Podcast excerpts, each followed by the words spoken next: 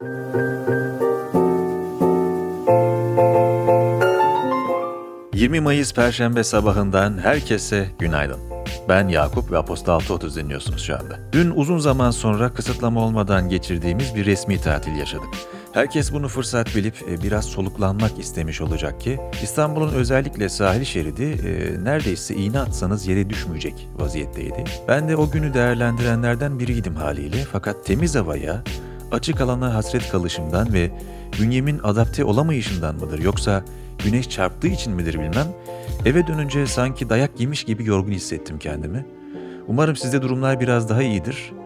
E, Böyle günlerin e, daha rahat çıkacağımız zamanların tez zamanda gelmesi dileğiyle. Bugünün bülteni her yerde pilates.com'un destekleriyle ulaşıyor. 40'a yakın uzman eğitmenin farklı ihtiyaçlar için tasarladığı egzersiz programlarını, çevrim içi videolar ve canlı derslerle makul fiyatlara erişilebilir kılan her yerde pilates.com herkesi spor yapmaya davet ediyor. Ayrıntılar bültende. Piyasalar ve ekonomi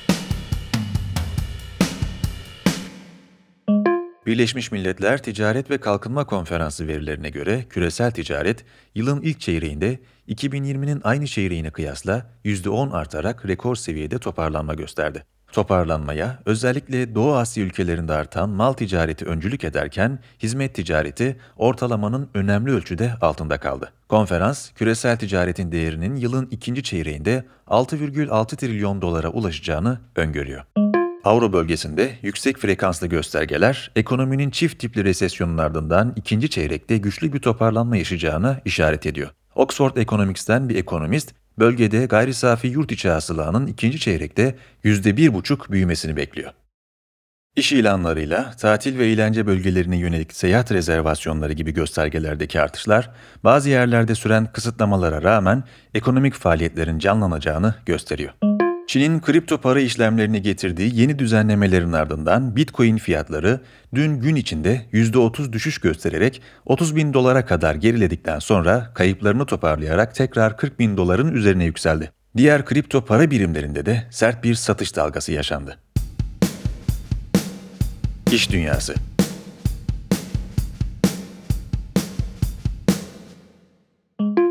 Toyota, çip tedariğindeki sıkıntılar nedeniyle Japonya'da yer alan iki fabrikasında 7 Haziran'dan itibaren 8 gün süreyle üretimi durdurmaya karar verdi. Geçtiğimiz ay Birleşik Krallık'taki iki Jaguar Land Rover fabrikasında üretimi durduran Tata Motors ise ilk çeyrekte 1 milyar dolar zarar ettiğini açıkladı.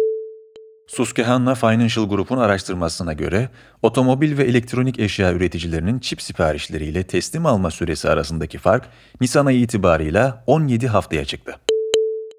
Uluslararası Kredi Derecelendirme Kuruluşu Fitch Ratings, küresel çip kıtlığının 2021'de otomobil üreticilerinin tahmini yıllık satışlarının %5'ine mal olacağı öngörüsünde bulundu. OYAK, gıda alanında büyüme stratejisi kapsamında Türkiye'nin önde gelen meyve suyu, konserve ve salça üreticilerinden Tamek Gıda'yı satın alıyor. Tamek'in Balıkesir ve Manisa'daki 3 fabrikasını kapsayan anlaşmanın tamamlanması için Rekabet Kurumu'ndan onay bekleniyor.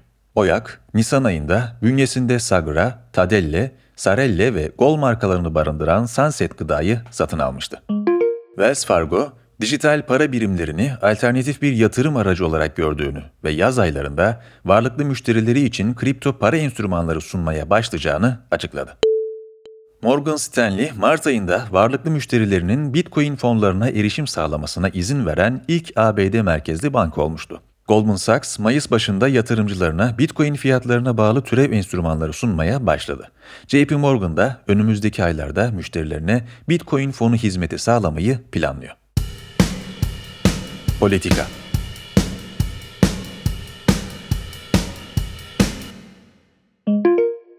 İsrail'in Hamas kontrolündeki Gazze'ye yönelik saldırılarında hayatını kaybeden Filistinlilerin sayısı 64'ü çocuk olmak üzere 227'ye ulaştı. Gazze'den İsrail'e atılan roketler sebebiyle yaşamını yitirenlerin sayısı ise ikisi çocuk olmak üzere 12 oldu. Batı Şeria'da da Filistinli bir kadın İsrail askerleri tarafından vurularak öldürüldü. Dün akşamüstü saatlerinde pazartesi yaşanana benzer şekilde Lübnan'ın güneyinden İsrail'in kuzeyini hedef alan 4 roket ateşlendi. İsrail bölgeye karşı saldırı gerçekleştirdi. Ateşkes girişimlerinden henüz sonuç alınamazken Filistin Devlet Başkanı Mahmud Abbas, İsrail'in devlet terörü ve savaş suçu işlediğini söyledi. İsrail Başbakanı Benjamin Netanyahu ise operasyonun bitmesi için bir süre öngörmediklerini, hedefe odaklandıklarını ve Gazze'nin işgal edilmesi seçeneğini göz ardı etmediklerini söyledi. ABD Başkanı Joe Biden ise tansiyonun düşürülmesi için çağrı yaptı. Cumhurbaşkanı Recep Tayyip Erdoğan, Filistin'de ölen çocuklar değil, insanlığın bizatihi kendisidir. Zulmü gördüğümüz yerde en yüksek edayla haykıracağız açıklamasında bulundu. ABD Dışişleri Bakanlığı, Cumhurbaşkanı Erdoğan'ın pazartesi günü söylediği bunlar kan emmekle ancak doyar sözlerinin bir antisemitizm örneği olduğunu savundu ve şiddetle kınadı. AK Parti'den ise Filistinlileri katledenlere karşı çıkmayı antisemitizm olarak yaftalayanların Filistin düşmanı olmadıklarını izah etmeleri gerekir açıklaması geldi. Dışişleri Bakanlığı da ABD'den yapılan açıklamaları bütünüyle reddetti. Avrupa Parlamentosu, Türkiye'nin Avrupa Birliği'ne tam üyelik müzakere sürecinin askıya alınması çağrısında bulunan raporu 64'e karşı 480 oyla kabul etti. 150 vekil çekimser oy kullandı. Kararın arkasında hukukun üstünlüğü ve temel haklarda gerileme, tersine işletilen kurumsal reformlar, çatışmacı dış politika ve AB karşıtlığı gerekçeleri yer alıyor. Rapor, Türkiye ve Ermenistan halklarının barışına katkı sağlaması için Türkiye'ye 1915 olaylarını soykırım olarak kabul etmesi çağrısında bulunuyor. Osman Kavala'nın serbest bırakılıp yeniden tutuklanması kınanıyor. Türkiye'nin Doğu Akdeniz'de gerçekleştirdiği tüm hamleler yasa dışı olarak görülüyor. Ekonomik açıdan Türkiye'yi Avrupa ekseninde tutacağı öngörülen gümrük birliğinin modernizasyonunun mevcut koşullarda gerçekçi bir vizyon ortaya koyamadığının altı çiziliyor.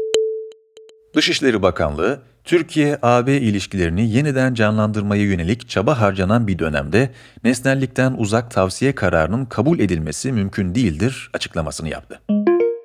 Avrupa Birliği ülkeleri mevcut seyahat kısıtlamalarının COVID-19 aşılarının her iki dozunu da yaptıran ve vize sahibi olan diğer ülke vatandaşları için önümüzdeki aydan itibaren kaldırılması konusunda anlaştı.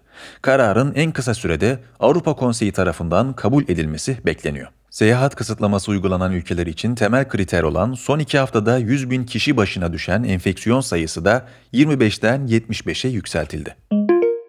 Almanya Dışişleri Bakanı Heiko Maas, Rusya'dan çıkan doğal gazı Baltık Denizi'nin altından Avrupa'ya taşıyacak olan Kuzey Akım 2 boru hattı için ABD'nin yaptırım muafiyeti vermeyi planladığını açıkladı. Rusya, açıklamanın doğru olması durumunun olumlu bir sinyal olarak algılanacağını söyledi.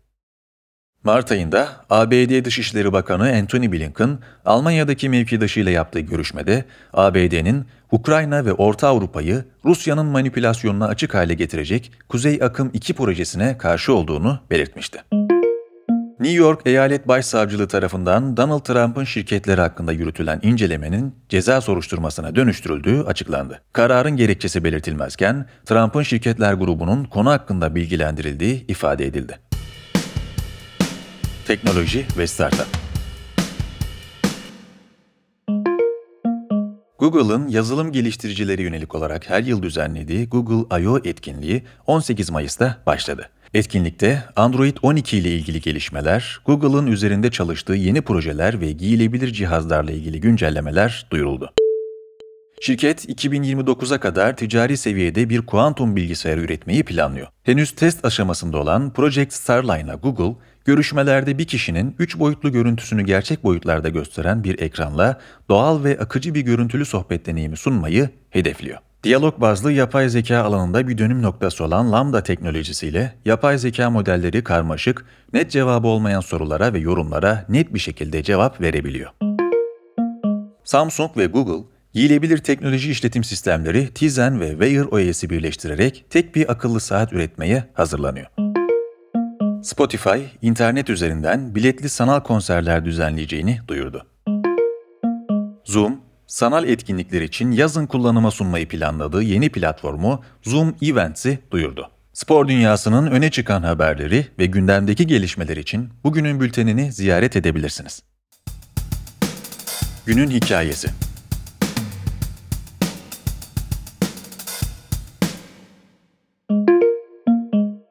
Organize suç örgütü lideri olduğu iddiasıyla aranan Sedat Peker, İçişleri Bakanı Süleyman Soylu ile yaşadığı gerginlikte aracı olduğunu söyledi. Gazeteci Hadi Özışık'ın kendisini ağır sözlerle yalanlaması üzerine Özışık'la gerçekleştirdiği görüntülü konuşmanın kaydını sosyal medyada paylaştı. Kayıtta Hadi Özışık'ın Bakan Soylu ile görüştüğünü ve o görüşmeye dair diyalogları anlattığı, Peker'in videosundan isminin çıkarılmasını istediği, iki dostumun arasında kaldım dediği ve Soylu'yla görüşmeye gidenin kardeşi Süleyman Özışık olduğunu söylediği görülüyor. Peker de Soylu'ya 20 yıldır yatırım yaptığını ve onun dönüş bileti olduğunu belirtiyor. Günün hikayesi son günlerin önemli konularından birine odaklanıyor.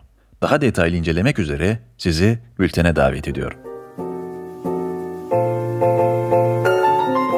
Bugünlükte hatta bu haftalıkta benden bu kadar. 20 Mayıs Perşembe gününde yine mikrofonun başındaydım. Ben Deniz Yakup, size güzel bir gün, sağlıklı bir hafta diliyorum. Haftaya görüşmek üzere. Hoşçakalın.